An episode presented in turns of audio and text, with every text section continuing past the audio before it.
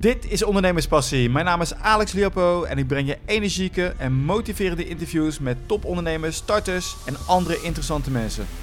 Vandaag praat ik met Jelle Driver, succesvol serial entrepreneur, podcaster, spreker en uiteraard acteur. Jelle, welkom in de uitzending. Dankjewel Alex. Ik heb je als eerste leren kennen bij de podcast van uh, Frank Watching. Ja. Waarbij je succesvolle ondernemers hebt, uh, succesvolle ondernemers interviewd. Die is nu overgegaan, zag ik, in de Jelly Driver podcast. Ja. Zelfde podcast en de naam is anders. Ja, ja precies. En daar interviewen mensen als uh, Gary Vaynerchuk. Ja, onder andere. Dat was wel kicken. Ja, ik ben niet jaloers hoor. Helemaal niks. Nee. nee. ah, was toch, ah, ik heb wel...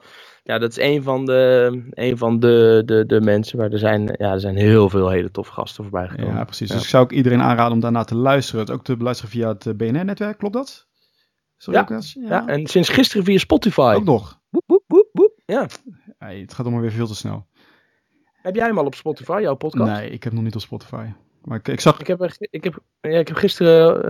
Uh, ik, ik, leer wel eens mensen hoe ze moeten podcasten. Dan heb ik een, een, les opgenomen hoe je je podcast kunt indienen met Spotify. Ik dacht, als ik het dan toch ga doen, kan ik het net zo goed opnemen. Dus ik zal het linkje even naar je sturen. Ja, ik zag het op je YouTube staan. Ja, klopt. Ja, ja, daar staat Ja, ja zeker. Nou, je, hebt een, je hebt een aantal bedrijven. Megaexposure.nl. Ja. Uh, ja. Je hebt je eigen uh, peperinjepand.nl. Ja, dat is de belangrijkste dat, tegenwoordig. Dat, is dat zo?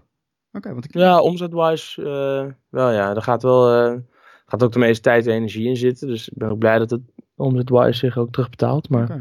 ja, daar heeft al een verschuiving plaatsgevonden, ja. ja ik zeg je altijd als uh, social media expert, maar je gaat verschillende kanten op nu dus.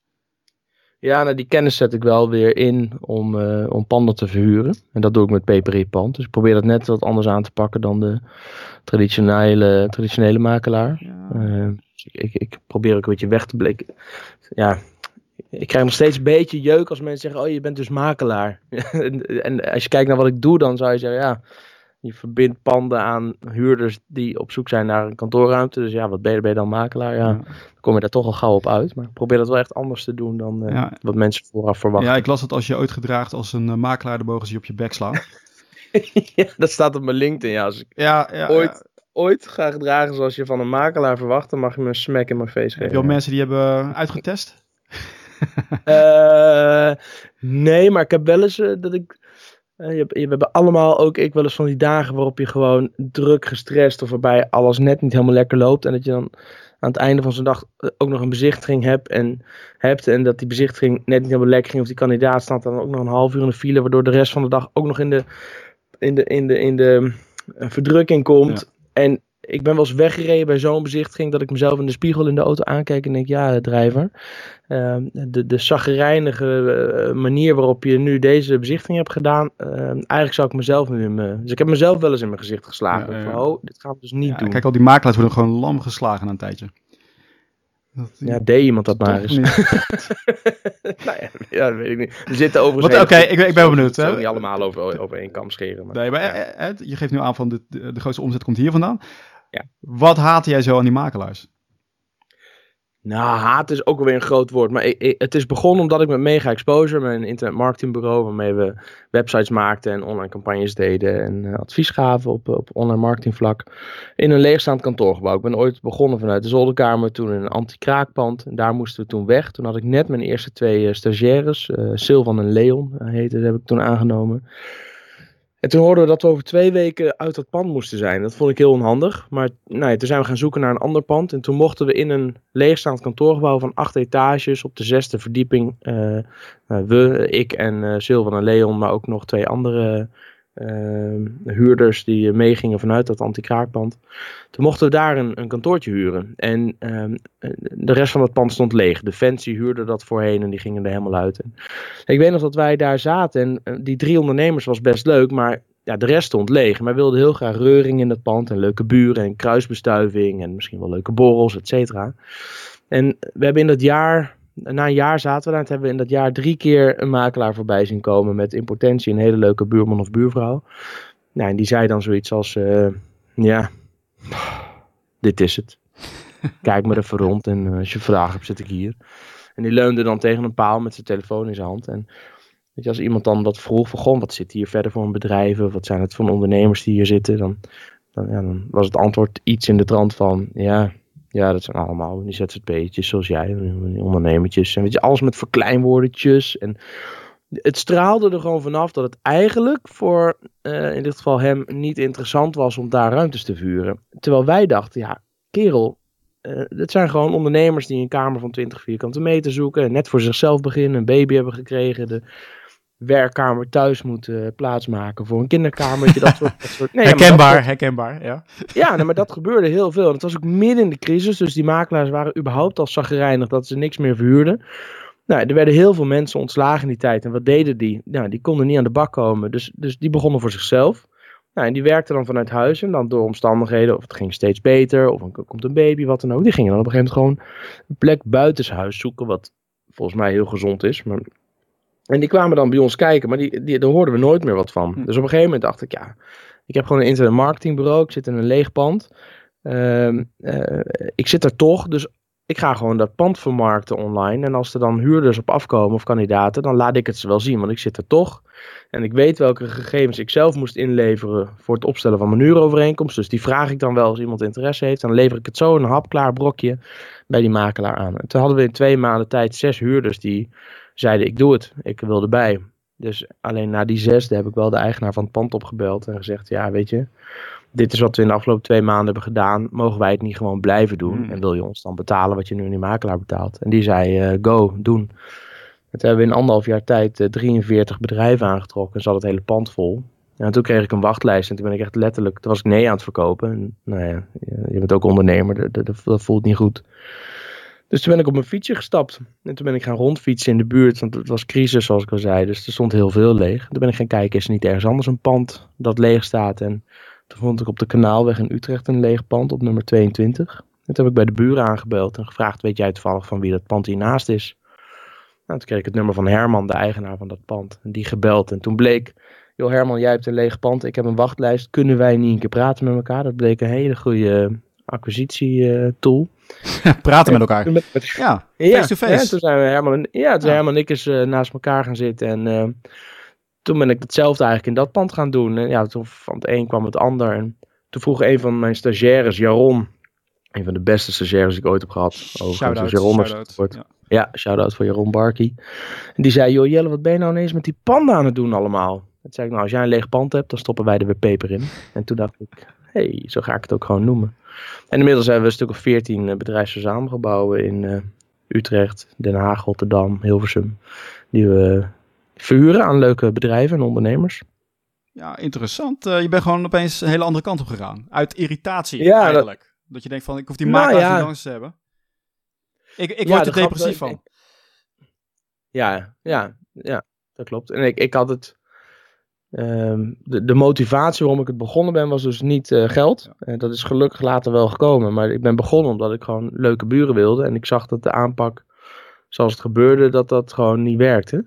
En ik had een gevoel dat het beter kon. En ik dacht, als ik die kandidaten nou eens gewoon ga behandelen als gasten of als, als potentiële klanten, zoals je in elk ander bedrijf je potentiële klanten toch enigszins in de watten wil leggen en serieus wil nemen en met een glimlach de deur uit wil laten gaan in plaats van uh, puffend en zagrijnig. Nou, dan wordt dat misschien wel wat. Ja, dat, dat, dat was ook Hoe zo. Hoe krijg je nou een wachtlijst? Heb je een website gemaakt of zo? Of uh, hoe heb je dat gedaan? Ja, we hebben toen een website gemaakt. Uh, waarop ik eigenlijk alle informatie die, waar ik als huurder benieuwd naar was. toen ik zelf om me heen ging kijken. Dus ik heb gewoon een lijstje gemaakt voor als ik om me heen kijk naar een pand, wat wil ik dan weten? Ja. wat, wat, waar ben ik benieuwd naar? Dan wil ik onder andere weten hoe groot zijn de ruimtes. Uh, wat kost het me nou uiteindelijk onderaan de streep? Want uh, nee, misschien heb je ooit naar een kantoorruimte gezocht, maar de een heeft het over bruto meters ja. en de ander heeft het over VVO en netto meters. En dan komt er een toeslag algemene ruimte bij. En dan heb je huur en je servicekosten en wel of geen internet. En dan moet je nog aansluitkosten eenmalig. Het is allemaal, ja, dat zal allemaal wel. Maar ik wil als ondernemer gewoon een calculatie maken met wat krijg ik er allemaal voor? Dat wil ik weten. En onderaan de streep, ex-BTW, wat moet ik betalen elke maand? Dat, dat, is, dat wil ik weten. En dan hoe dat allemaal heet. En nou, dat vond ik allemaal niet zo belangrijk. Dus, ik, dus dat deed ik. Gewoon, dit zijn de ruimtes die we hebben. Dit is wat het je onderaan de streep kost. Maar ik was ook benieuwd, uh, wat voor een internetverbinding ligt er? Is dat een beetje stabiel? Is het goed internet? Is het glasvezel? Uh, wat voor andere ondernemers zitten er in het pand? Vond ik heel belangrijk. Is er een supermarkt in de buurt? En zo ja, hoe lang is dat fietsen? Is er OV in de omgeving? Nou, weet je, al dat soort um, uh, informatie waar ik zelf benieuwd naar was, die heb ik gewoon hapklaar, duidelijk in overzicht. En ook gewoon hoe is die huurprijs dan opgebouwd? Zo heb ik het op de site gezet. Maar ook met profieletjes van de andere ondernemers die er in het pand zaten, die dan, waar, waarover ik kort iets vertelde. Nou dat, dat, en dan ging ik online marketing daarop toepassen. Dus uh, AdWords en uh, andere uh, verschillende campagnes op diverse platformen. om maar potentiële huurders daar naartoe te trekken. Om zo, om het zo plat ja. te noemen. Dat is één. En de, de tweede stap is, als iemand dan eenmaal binnen is, zorgen dat hij dan ook echt een leuke um, een leuke ervaring heeft. Weet je, en, Jan van Zetten, een van de leukste um, sprekers van Nederland. Ja, ik, ik, heb hem uitgenodigd voor de uitzending. Ja. Dus uh, ik, ik heb nog geen ja, ja maar die komt eraan. Ja, ik, uh, ik, ik, ik, ik hoop het voor je, want het is echt, echt een topper. Echt een van mijn favorieten. Is overigens ook de, de, de, de man waar, waar, waardoor ik überhaupt lezingen ben gaan geven. Is, is omdat ik hem op een gegeven moment een paar keer heb zien spreken. Ah, cool. die, die heeft in zijn presentatie heeft hij een formule. En dat is E gedeeld door v moet groter zijn dan 1. Nou, dan ben ik geen wiskundige. Maar het betekent de ervaring die mensen bij je krijgen, gedeeld door de verwachting die ze hadden voordat ze bij je kwamen, die moet groter zijn dan 1. Als je dat in normale Jip Janneke taal uitlegt, dan wil dat zeggen als mensen bij je komen, dan moet je ze verrassen en, en uh, meer beleving, uh, meer ervaring meegeven dan waar ze op gerekend hadden. Nou, en dat, dat, uh, als ik aan jou vraag, als jij gaat kijken naar een kantoorruimte van 20 vierkante meter met een standaard makelaar, wat voor een makelaar verwacht je dan? Wat voor, wat voor mens is dat? Wat voor type omschrijft hij is, die typische makelaar, zoals jij hem nou, uh, Mijn ervaring is uh, met, met huizen kopen, is dat ik denk van wat is jouw toegevoegde waarde? Dus meer van, ja, hier is een muur, hier is een raam. eigenlijk, ja, zoek ja, eruit. Precies, en, gewoon ja. van waar word jij voor betaald? Dus ik zie eigenlijk nooit de meerwaarde ervan in. Uh, dus heel herkenbaar. Precies. Terwijl ik ze denk van ja, enthousiasmeer ja. mensen. Kijk naar de, uh, laat zien wat de mogelijkheden zijn. Precies. Weet je, dus als ik dat vraag op verjaardagen, dan zeggen mensen vaak arrogant, ze verdienen te makkelijk geld, uh, niet heel erg meedenkend enzovoort. Um, dus ja, als een simpel voorbeeld, voor de makelaars die luisteren, uh, ga dit in vredesnaam doen. Ik heb het al een paar keer uitgelegd, maar ik heb nog niemand gehoord die het ook doet. Als iemand bij mij komt, als jij komt kijken bij mij voor een kamer van 20 vierkante meter, dan weet ik van nou, daar heb ik er drie van in het pand nog, ik noem maar wat. Dan ga ik naar jouw website, dan klik ik met mijn rechtermuisknop op jouw logo. Dat kost uh, 10 seconden. Dan zeg ik opslaan als. En dan print ik dat op een, op een papiertje. En daar staat dan een zinnetje boven. Misschien wel het nieuwe kantoor van, dubbele punt. En dan jouw logo. En als jij dan binnenkomt voor die bezichtiging en we gaan die drie kamers bekijken, dan zorg ik dat in het bordje naast die deur, uh, bij alle drie die kamers, dat briefje hangt met jouw logo. Dus je komt binnen, uh, je krijgt eerst een bakje koffie. Ik vraag uit oprechte interesse, want dat vind ik leuk. Daarom heb ik ook die podcast waarin ik ondernemers interview. Ik vraag uit oprecht interesse. Wat, wat doe je? Waarom ben je gaan ondernemen? Wat, wat, is je, nou, wat, wat zoek je in je nieuwe kantoor? Enzovoort, enzovoort. Dan ga ik uh, in gesprek. Dus ik toon al interesse. Nou, dan zijn de meeste mensen al verbaasd. Wat, wat stel jij die vragen dan, goed, dan joh, gaan we daarna, hè, En dan gaan we daarna gaan we, gaan we kijken bij een kantoorruimte waarvan ik denk, nou misschien past dat wel bij wat je zoekt op basis van het vooronderzoek wat ik heb gedaan in het telefoongesprek. En dan lopen we samen naar die deur en dan hangt jouw logo al naast ja. die deur. Nou, er zullen luisteraars nu zijn die zeggen, nou dat vind, gaat mij veel te ver, dat vind ik echt te, te, te slijmerig. En te, maar ik kan je verzekeren, 80% van de mensen gaat daar mentaal van kwispelen, vindt dat fantastisch. En maak daar fotootjes van, deelt dat uh, met collega's of met vrienden en vrienden. En uh, oh, kijk, het logo hangt gewoon al op de deur, joh. Nou, dat verwacht niemand. En, en zo zijn er allemaal hele kleine uh, dingetjes. Als jij dan weer weggaat en we schudden de hand en je loopt naar beneden, dan probeer ik eigenlijk voordat jij in de auto zit, maar zeker voordat jij weer op je volgende afspraak bent, dat je gewoon al het voorstel van alles wat we besproken hebben in je mailbox hebt zitten. Sommige makelaars wachten gewoon één of twee weken met het uitwerken van überhaupt een voorstel. Ja, als je dan zorgt dat mensen gewoon binnen een half uur hoppakee meteen het voorstel in de mail hebben met daarin weer alle details. Dit is wat je krijgt, dit is wat je moet betalen, dit is wat ik van je nodig heb voor de huurovereenkomst enzovoort. Ja, dat, dat, dat, al die dingen samen, zo zijn er nog veel meer punten. Ja, dat, dat maakt dat we op een gegeven moment een wachtlijst ja, ja, hadden. Het gevolg van, uh, van eigenaarschap geven en je maakt het ze heel gemakkelijk om ja te zeggen. Ja, ja heel cool. Dus, ja. Uh, een verschuiving. Ik hoorde je net spreken in de verleden tijd van Mega Exposure. Ja, doe het nog steeds hoor. Dus ik heb meegespozen nog wel, maar ik had op het hoogtepunt op een gegeven moment vijf man personeel. En dat heb ik, dat, daar ben ik helemaal mee gestopt. Dus ik ben weer teruggegaan naar zoals ik uh, voor Peper Pand uh, en voor de stagiaires met Mega Exposure werkte. Dus ik, ik werk nog steeds wel met collega's, maar dat zijn dan ZZP'ers die ik gewoon per klus inhuur. En ik ben wel veel kritischer nu in welke klussen ik aanneem. En, de en dat zit nu veel meer op, op advies en brainstorm en consultancy dan de, echt nog de uitvoerende kant. Want daarvoor huur ik dan liever iemand in die dat doet. Uh, of, of ik stel gewoon mijn opdrachtgever voor, joh, ik zou daar Pepijn voor inschakelen. Of uh, Berry of uh, welke, welke compaan dan ook. maar ik heb bijvoorbeeld wel klanten waar ik gewoon elke maand aanschuif bij hun marketingoverleg om te kijken, nou wat gebeurt er, wat doen we, gaat dat goed, wat kan er beter, om, om creatief mee ja, te denken. Nee, ja, dus je bent meer ehm, ja, richting consulting gegaan erin.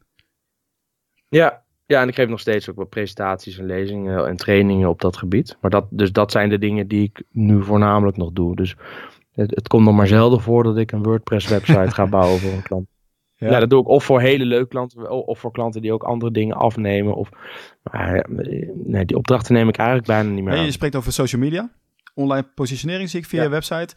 Ja. Hoe komt dat aan bij bedrijven? Is het nu nog steeds zo van, uh, we hebben eigenlijk geen idee wat, wat we ermee aan moeten. En dat jij langskomt en zegt, oh, dit moet, zo moet het zijn? Ja, dat wisselt. Kijk, ik ben daarmee begonnen. Ik, ik heb me in 2007 ingeschreven uh, in de Kamer van Koophandel, 16 maart 2007. Een hele mooie vrijdag in Groningen. En ik ben eigenlijk sinds 2009 ben ik pas echt zelf ook uh, fulltime gaan ondernemen. Dus eerst heb ik nog een beetje wat dingen naast mijn werk gedaan. En toen ben ik echt begonnen. En, en uh, toen ik besloot, ik ga echt fulltime ondernemen, had ik nog geen idee wat ik ging doen. Maar ik wist wel dat ik niet meer voor een baas wilde werken. Dus ik heb eerst de motor gepakt en ben ik twee maanden door Europa gaan rijden met een tent en een slaapzak achterop. En toen, uh, uh, om na te denken, wat ga ik doen? Nou, toen ben ik weggebleven zolang als ik kon pinnen ongeveer. Dus ik kwam terug, toen was mijn bankrekening ook echt helemaal leeg. En toen kon ik bij mijn oom en tante in de Achterhoek op mijn zolderkamer tegen kosten en inwoning en af en toe de paarden binnenzetten en de wei weer poepvrij maken. Kon ik daar, uh, heb ik daar acht maanden gewoond. En toen, toen ben ik gewoon bij netwerkborrels gegaan en met ondernemers gaan praten. En eigenlijk kwam ik toen pas tot de ontdekking dat ik veel meer wist over social media dan de meeste ondernemers op dat ja. soort netwerkborrels. En die vroegen dan, wil je ons daar niet een keer bij helpen? En zei ik, ja hoor. En zei ze, wat kost je dat? Zei ik, wat heb je ervoor over? Want ik had echt geen idee wat ik moest vragen. Ja. Ik zei, wat, wat levert het jou op als ik je ja. daarbij ga helpen? En, en welk deel van die besparing of opbrengst wil je dan met mij delen? Nou, toen noemden ze bedragen dat ik dacht, dat is interessant. En toen ben ik dat gaan doen, ben ik bedrijven gaan, uh, gaan adviseren over. En dat, je moet je voorstellen, dat was 2009, dat, toen had ik nog heel veel echt aanvragen met bedrijven die zeiden, ja, we horen iedereen over social media en, en we krijgen zo langzaamaan het gevoel dat het misschien wel een blijvertje is, maar we hebben geen idee wat we ermee moeten en, en gaat het niet alleen maar tijd kosten en straks zit mijn personeel de hele dag op Facebook of LinkedIn of Twitter. Dat was toen, de, hè, toen echt nog het gevoel. Inmiddels nou, zijn er weinig bedrijven nog die twijfelen of social media echt een ding is. Ja, dat is nu wel duidelijk. Er zit wel een verschuiving in, maar ik heb bijvoorbeeld vorige week wel uh, een hele dag een LinkedIn training gegeven bij uh, Nourion, uh, voormalig Axo Nobel in, ja. in Deventer. Ehm, ja, daar geef ik dan een hele dag een LinkedIn training, dus dat, dat komt wel voor. En verder is het ehm, vaker lezingen over, en dan sta ik gewoon een uur of drie kwartier voor een groep en dan laat ik ze zien wat er kan met social media en hoe je daar het maximale uithaalt met minimale inspanning. met minimale ja. inspanning. Ja, want er zijn heel ja. veel mensen die, die ergens werken en die, die moeten dan social media doen, maar die hebben nog veel meer te doen. Die krijgen het er even bij op hun bordje. Ja. En die willen ook echt wel social media doen, maar als je, ja, als je niet oppast, dan ben je gewoon de hele dag alleen maar met social media bezig. Ja. Terwijl er echt wel heel veel handige tooltjes en apps zijn waarmee je, ik, ik geef dan bijvoorbeeld... Uh, en, en, er zullen marketeers luisteren denken, jeetje, wat een no-brainer. Maar geloof me, er zijn heel veel mensen bij heel veel organisaties die echt geen idee hebben. Dus ik geef bijvoorbeeld de tips om uh, Buffer-app te gebruiken om je social media berichten niet alleen in te plannen en klaar te zetten, maar ook vanuit één omgeving in één keer op meerdere platformen te kunnen uitzetten. Uh, ik geef de tip om, als je het moeilijk vindt om uh, goede plaatjes en zo te maken of te bedenken, om dan de tool canva.com te gebruiken. Dat is een gratis website waar je gewoon hele mooie visuals kunt maken. Ja. Of uh, maken ze een, een, een, een, een leuk gifje met de, app Boomerang. Of maken ze een timelapse. Als je een schilder bent, zet je telefoon ergens op een statief in de hoek. En ga alles afplakken en daarna alles schilderen. En maak dan met, uh, hoe heet dat, Hyperloops of Hyperlapse, die app. Maak daar een timelapse filmpje van. Dan kun je dat weer delen op social media. Nou, zo heb ik een, een enorme bak aan hele concrete... je hebt heel veel van die sprekers die vertellen dan wat je ongeveer moet doen, maar niet hoe. Ik vind het leuk om mensen te laten zien hoe ik het zelf doe. En uh, wat daar de resultaten van zijn. En dan geef ik gewoon concrete handvatten van joh, installeer nou eens dit tooltje en ga daar de komende tijd eens mee pielen. Ja. Nou, dat vind ik heel leuk. Dus, nou ja, ja, die, ja, die laatste ken ik nog niet. Uh, Meet Edgar, kent u die toevallig? Meet Edgar? Ja. Is dat, is dat het bolhoedje? Nee.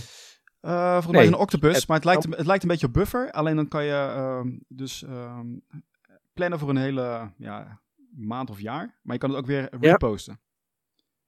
Ja, dat klinkt inderdaad klinkt, klinkt een beetje als beur. Ik ga er eens naar kijken. Ik heb er nog nooit mee gewerkt. Geinig. Ja, ik nu jij zegt octopus. Ik heb wel laatst, laatst had het iemand het ook over een octopus. Misschien is het dezelfde. Ik ken hem, ik ken hem nog niet. Ik kan doen alsof, maar ik heb geen idee. Er zijn eigenlijk heel veel tools. Kijk, uh, als we praten met Gary Vaynerchuk, die is juist van, uh, wat bedoel je met uh, weinig moeite? Heel veel moeite. Ja. ja, uiteraard is dat ook zijn ding. Dat is zijn, zijn manier van werken. Hij knalt juist superveel energie om maar ja, die exposure te krijgen. Zelfs op kanalen die bijvoorbeeld maar 100 uh, eh, kijkers hebben. Hij zegt, er hoeft er maar eentje tussen zitten en die kan alle verschil maken. Ja. ja. nou dat laatste is natuurlijk zo. Dus er hoeft er maar eentje tussen te zitten die kan het verschil maken. Ja. Alleen, uh, uh, en hij heeft er blijkbaar ook de tijd voor om het te doen. Hij vindt het ook super leuk. En er zijn heel veel mensen die social media op hun bordje hebben die het wel moeten doen, maar die het niet per se super leuk vinden. En er ook niet de hele dag de tijd voor hebben. En voor die mensen geef ik dan het, uh, het advies: kijk dan naar welke platformen zijn er. Op welke platformen is uh, je doelgroep het meest vertegenwoordigd? En is de kans het grootst dat er één of twee mensen tussen zitten, of meerdere mensen tussen zitten, die het verschil voor je gaan maken. En ga dan daar in eerste instantie op inzetten. Zorg dat je dat in de vingers hebt. En als dat lekker werkt en goed gaat, ga dan op een gegeven moment dus naar een tweede of een derde platform kijken. Maar mijn ervaring is ook als mensen Kijk, eh, Gary Vaynerchuk is natuurlijk heel lang geleden al begonnen met social media. En heeft, het, eh, heeft vanaf dag één ongeveer, uh, dat is zijn succes ook geweest, dat hij met YouTube heeft omarmd om daar zijn wijnreviews uh, te doen. Ja. En daarna is hij steeds meer dingen gaan toevoegen.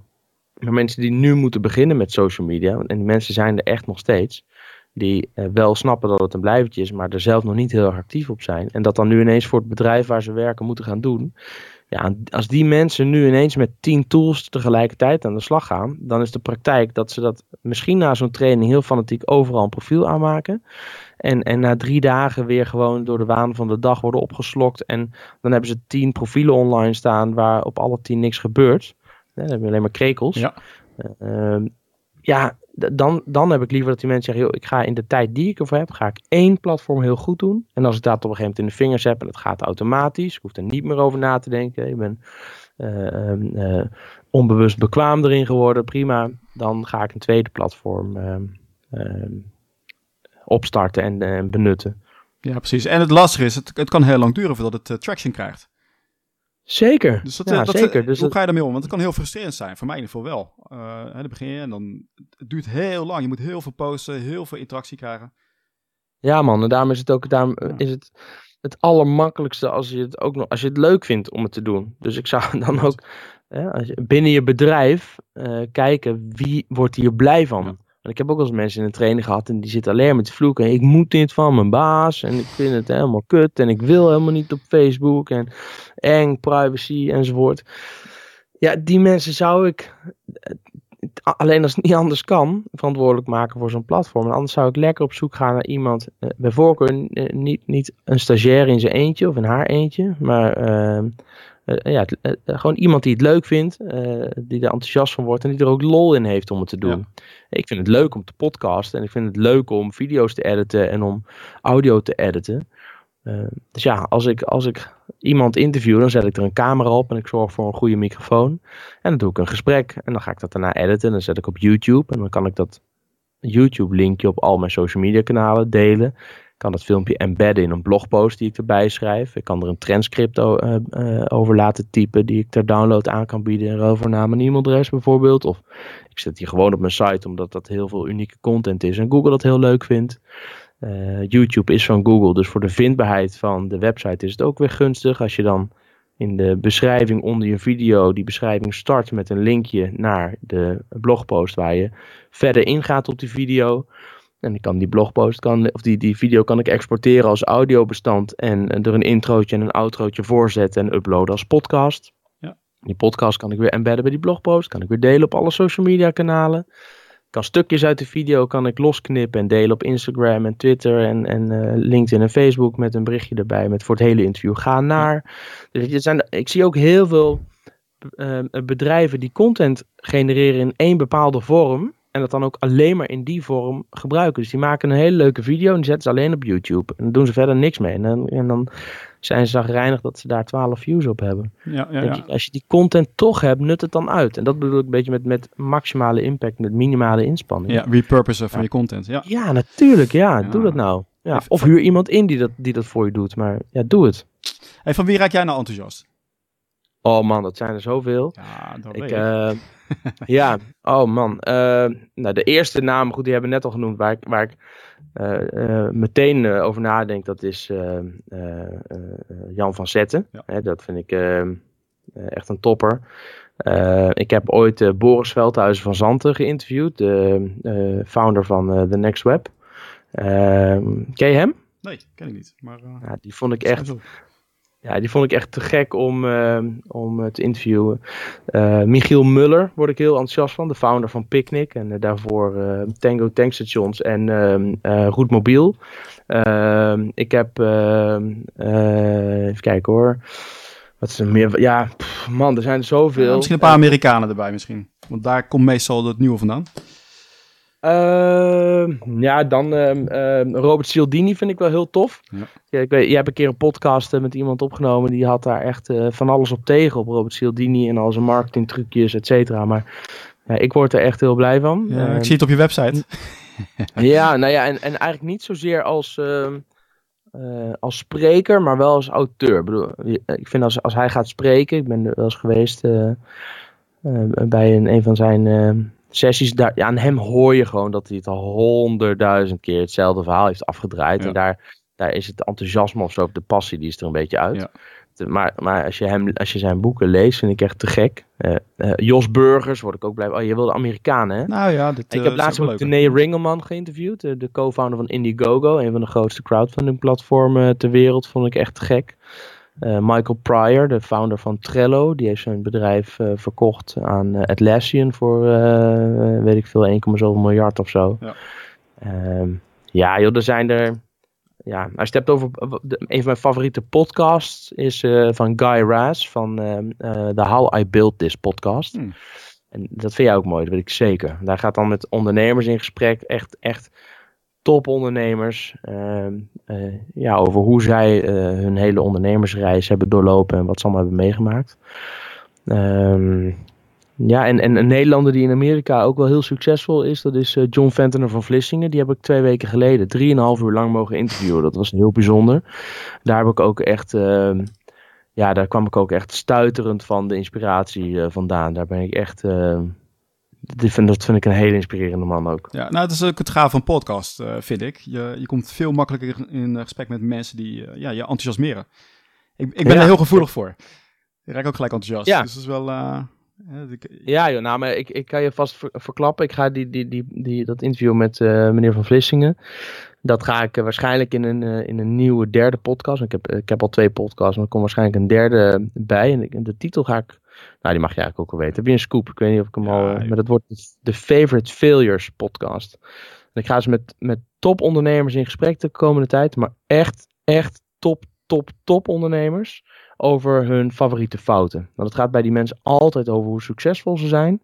En het worden geen negatieve, zagrijnige gesprekken. Maar hele leuke, open, vrolijke gesprekken. Maar wel terugkijkend op... Oei, wanneer was het billen knijpen? Wanneer had je het... Dat heb ik niet zo aan meneer Van Vlissingen gevraagd. Maar je kan je iets voorstellen. Wanneer had je nou het zweet tussen je bil na te staan als ondernemer? Wanneer ging het mis? En wat heb je ervan geleerd? Ja. Dat vind ik namelijk veel inspirerender en leerzamer dan alleen maar horen hoe succesvol iemand is geweest. Ja, dat waarschijnlijk ook uh, 9 van de 10 keer fout is gegaan.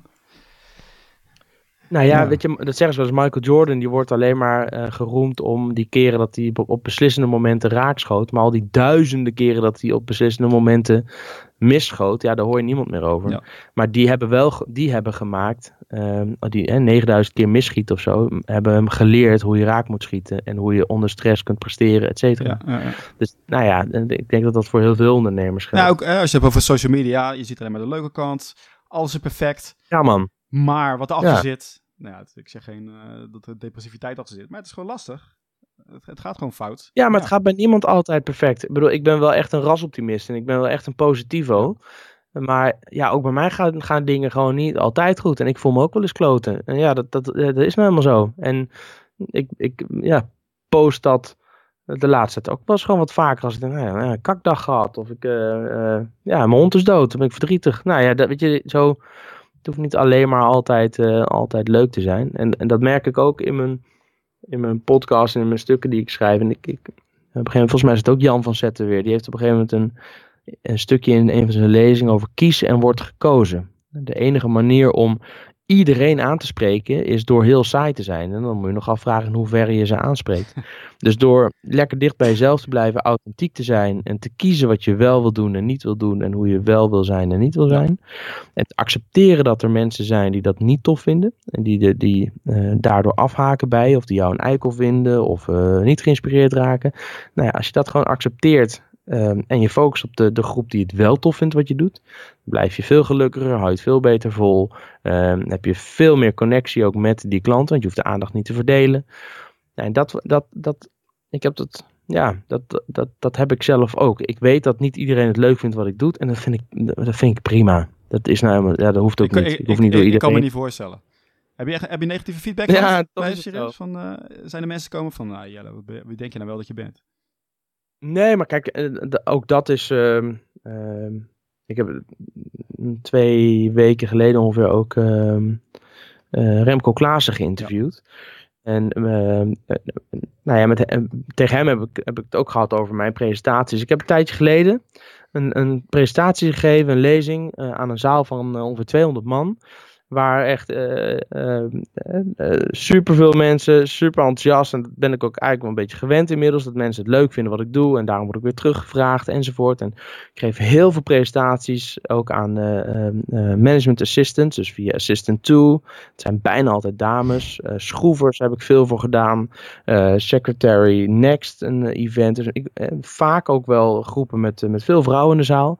En na deze lezing in het Openluchtmuseum in Arnhem kreeg ik ineens na afloop de feedback van uh, een van de medewerkers van, uh, van de organisatie die me hadden ingehuurd. Met dat ze na afloop van mijn verhaal wel van een aantal mensen, zowel mannen als vrouwen, uh, hadden teruggekregen dat ze mijn verhaal wat vrouwonvriendelijk vonden.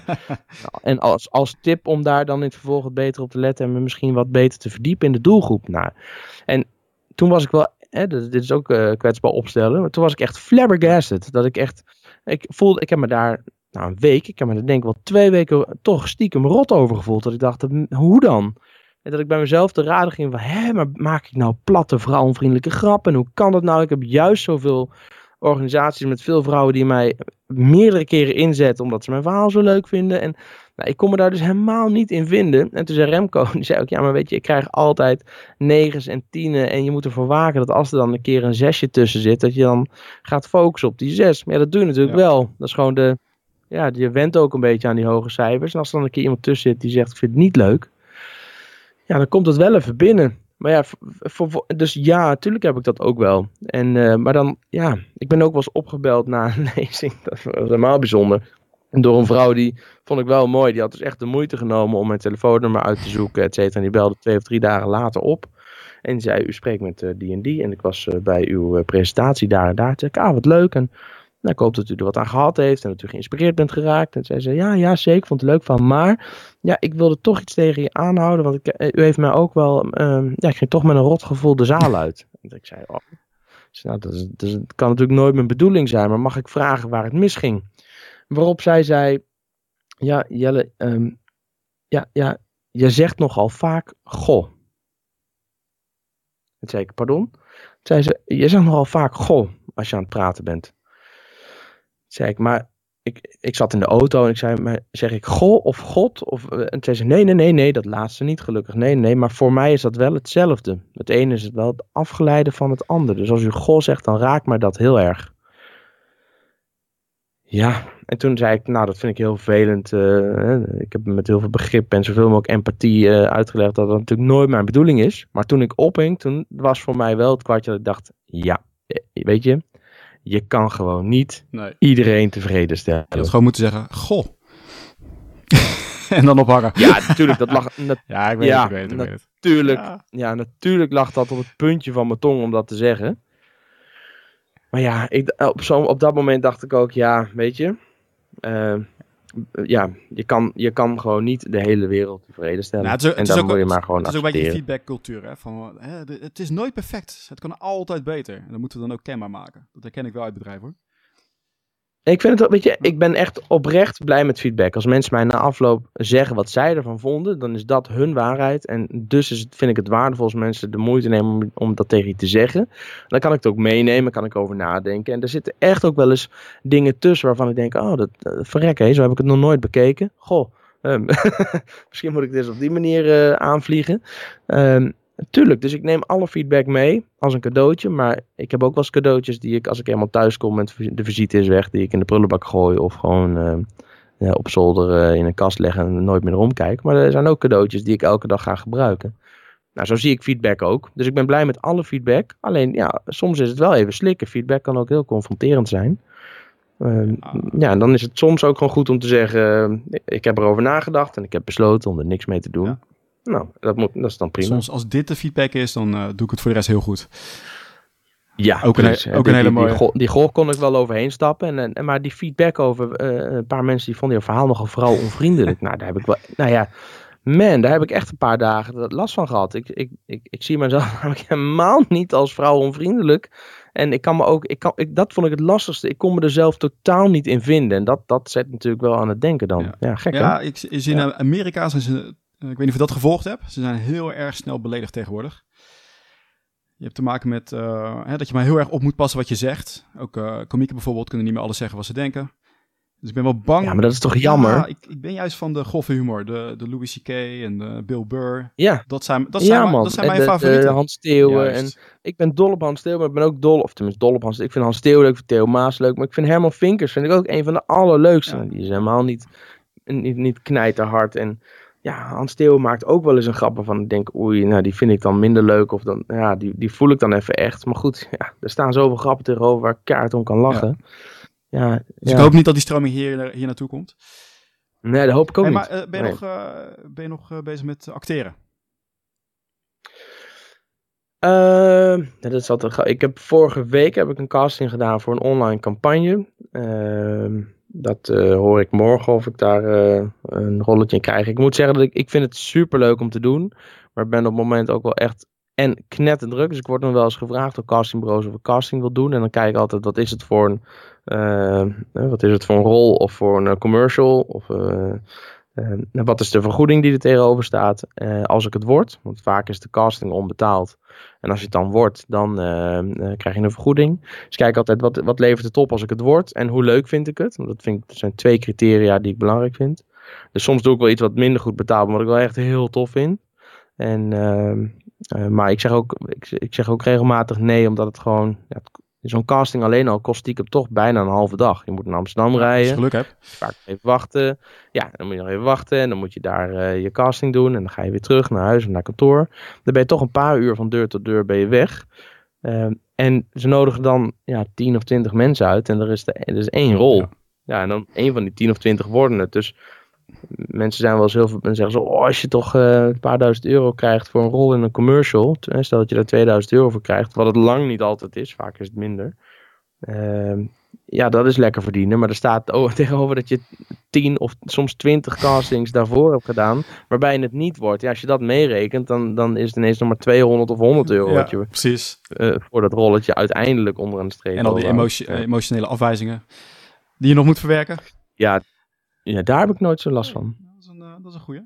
Nee, daar heb ik niet zo moeite mee. Nee, want, nee dat is gewoon de, de opdrachtgever heeft gewoon een van die andere 19 gezien en die past ja, dan ja. beter bij het plaatje wat ze zoeken. Dat zie ik niet als iets persoonlijks.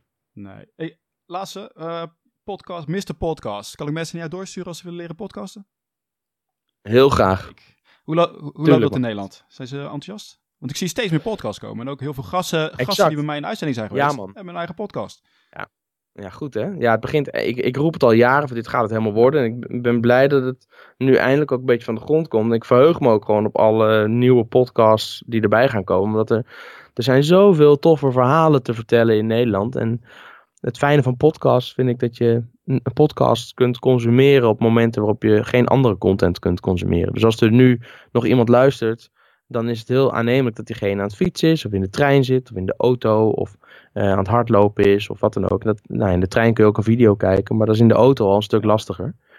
Um, dus ik denk, dat er, ik denk dat er nog veel meer podcasters gaan opstaan. En ik vind het een prachtig mooi medium. En ik, ik heb net als wat jij zegt echt het gevoel dat het nu in Nederland ook uh, uh, echt uh, begint te vliegen. Ik, ik heb ooit heb ik het podcast geregistreerd op Twitter. En die heb ik nog steeds. Dus het geeft al aan dat ik, dat ik toen al dacht, nou, dit, gaat, dit, dit, dit gaat kicken ja. worden. Ehm, het is ook wel een leuk filmpje om te zien hoe Steve Jobs ooit opeens op zo'n typisch Apple uh, evenement aankondigde dat zij de podcast hadden gelanceerd. En uh, hoe onze Nederlandse Adam Curry uh, Steve Jobs daar ontzettend in zijn hemd heeft gezet. Dat is erg leuk om even terug te zoeken op YouTube. Steve Jobs, Adam Curry podcast. Ja, ik ben geprikkeld. Ik ben benieuwd. Ik ga kijken. kijken. Ja, ik, ik, ga wel kijken. Dus voor de mensen, het is ook marketing, podcasting, maar vooral ook leuk voor je netwerk. Uh, leuk voor je exposure. Nou, ga naar Mr. Podcast toe. Ik zet de links in de show notes. Je bent ook begonnen met weer een nieuwe podcast, namelijk de Podcast. P-O-T. Nee, de op de podcast. Op de podcast, excuses. Ja. Nou, daar gaan wij het zo nog even over hebben. Daar gaan, we, gaan wij het zo over hebben. ja, jij wordt, uh, jij wordt een van mijn gasten in de op de podcast. Ja, precies. Dan kom ja, ik in, uh, ja. in de playlist. Hè? Ja, ja, het concept is heel simpel. Ik ga je een aantal vragen stellen, maar de lengte van de podcast wordt be bepaald door de vraag, of het antwoord op de eerste vraag. En dat is, hoe lang zit jij gemiddeld op de pot? Dus beste luisteraar, ben jij nou benieuwd hoe Alex Liapo, hoe lang die op de pot zit? Uh, en daarnaast uh, uh, met wat tijdsdruk wat, wat leuke vragen beantwoordt, dan zeker ook die podcast even checken. Ja, komt eraan. Hey, bedankt Jelle, leuk. Graag gedaan.